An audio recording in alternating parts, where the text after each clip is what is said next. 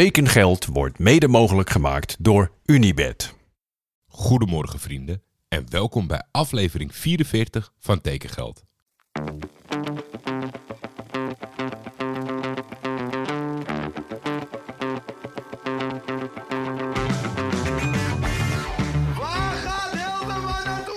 Tijd is geld. En veel geld in voetbal is bijna een garantie voor succes.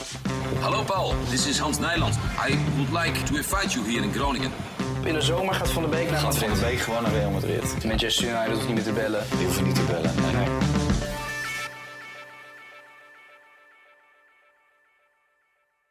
Na een gezellige avond aan de hand van topkastelein Michel bij Eetcafé de Avonden aan de Middenweg in Amsterdam, waarin ik zowel Nederland als Turkije de volle buit in Europa zag pakken, ja, die dagen bestaan nog, kom ik thuis met een waslijst aan mutaties.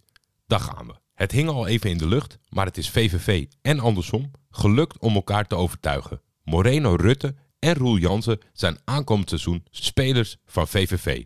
Een prachtige ervaringsboost voor trainer Rick Kruis. Van het volgende bericht keek ik toch wel even op. De graafschap heeft aanvaller Mimou Mahi binnengehaald. De 29-jarige aanvaller komt transfervrij over van FC Utrecht en tekent een contract voor drie seizoenen bij de Achterhoekse Trots.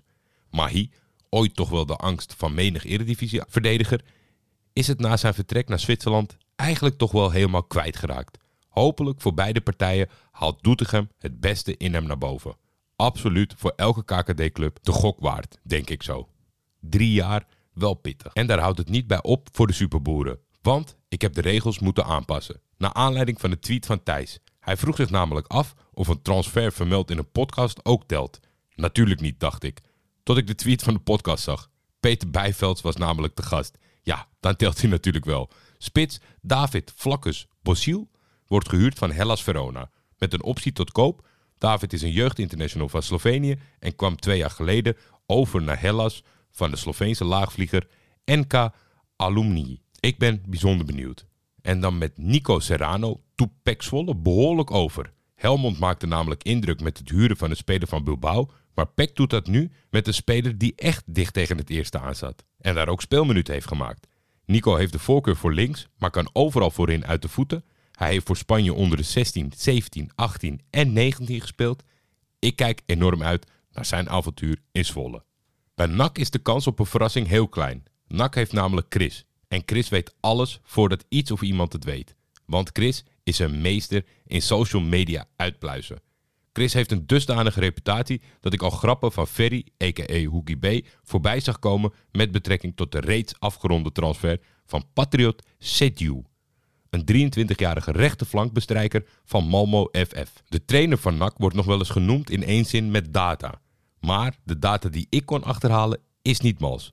Patriot is of heel gierig of heeft geen voorzet in de benen. Want voor iemand die altijd vanaf rechts komt, zijn zijn assist maar op één hand te tellen. Ik ben benieuwd Breda, dan Bart Nieuwkoop. Kwam, zag en overwon in België.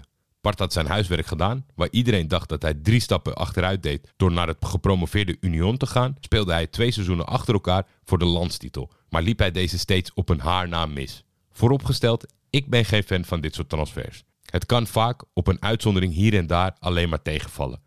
Bart werd gewogen en te licht bevonden, bewees het tegendeel in België, maar heeft dan toch nog de drang, denk ik, om het in de kuip te laten zien. Terwijl ik zou denken, blijf lekker het tegendeel bewijzen elders in Europa. Dat Feyenoord een poging heeft gedaan voor een klein bedrag en nu heel content is, snap ik zeker. Sparta Rotterdam heeft Geventio van de Kust aangetrokken. De 22-jarige linksback wordt overgenomen van FC Utrecht en tekent tot medio 2026 op het kasteel. Met een cluboptie voor een extra seizoen.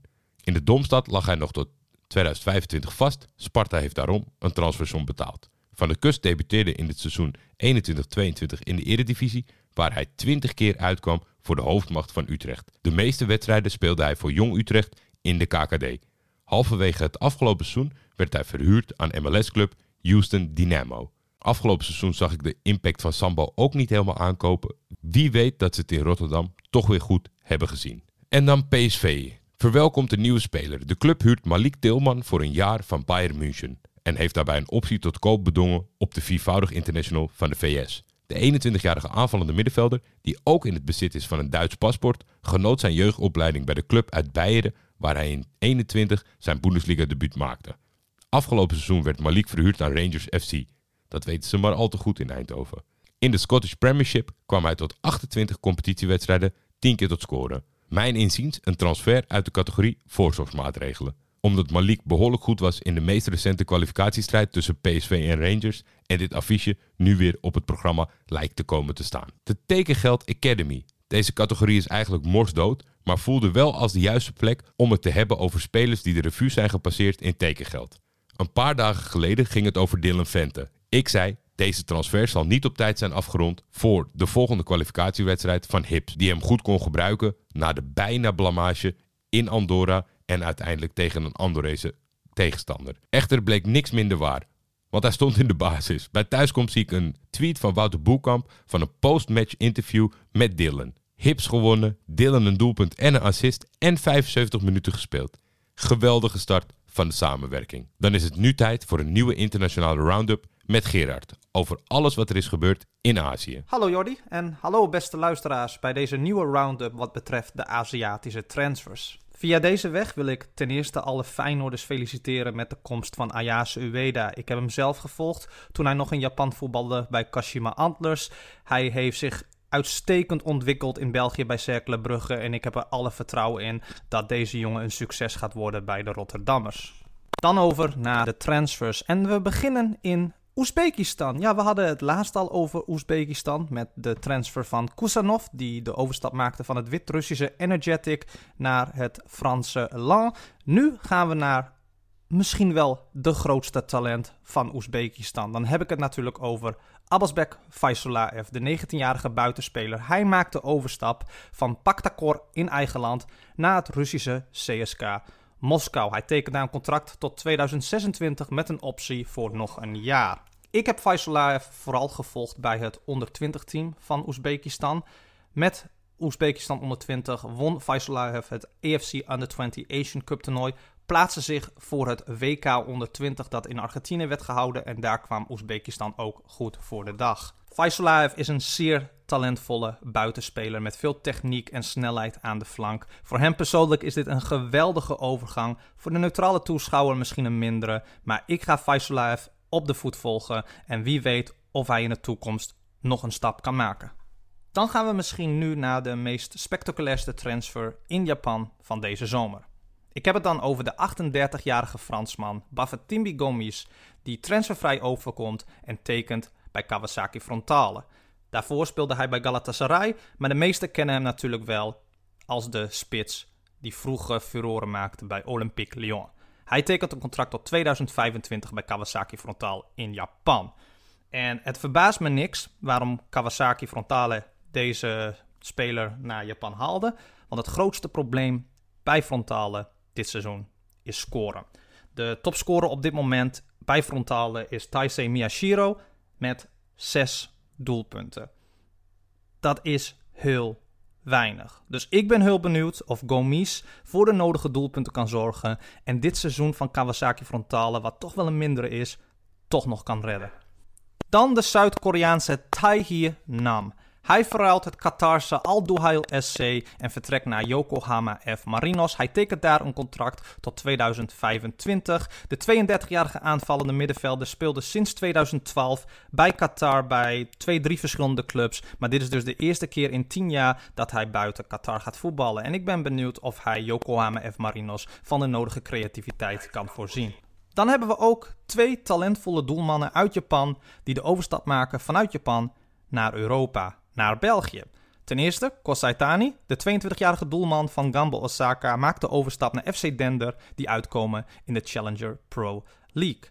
En ook Sion Suzuki, hij maakt de overstap van Urawa Red Diamonds naar het Belgische Sint-Truiden. De 20-jarige doelman stond ook onder interesse van Manchester United, maar Sion Suzuki wees de Engelse club af en hoopt op speeltijd bij het Belgische Sint-Truiden, omdat de huidige doelman Daniel Smit mogelijk gaat vertrekken en Sion Suzuki wil in de picture blijven bij het Japans nationale team. Dus heeft hij de keuze gemaakt om op huurbaas te gaan naar Sint-Truiden.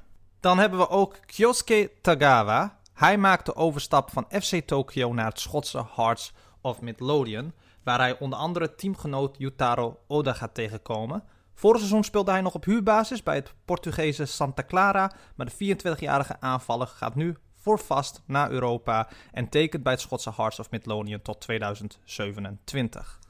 En tot slot, Nagoya Grampus zag zijn spelmaker Matthäus vertrekken naar Al Tawun in Saudi-Arabië.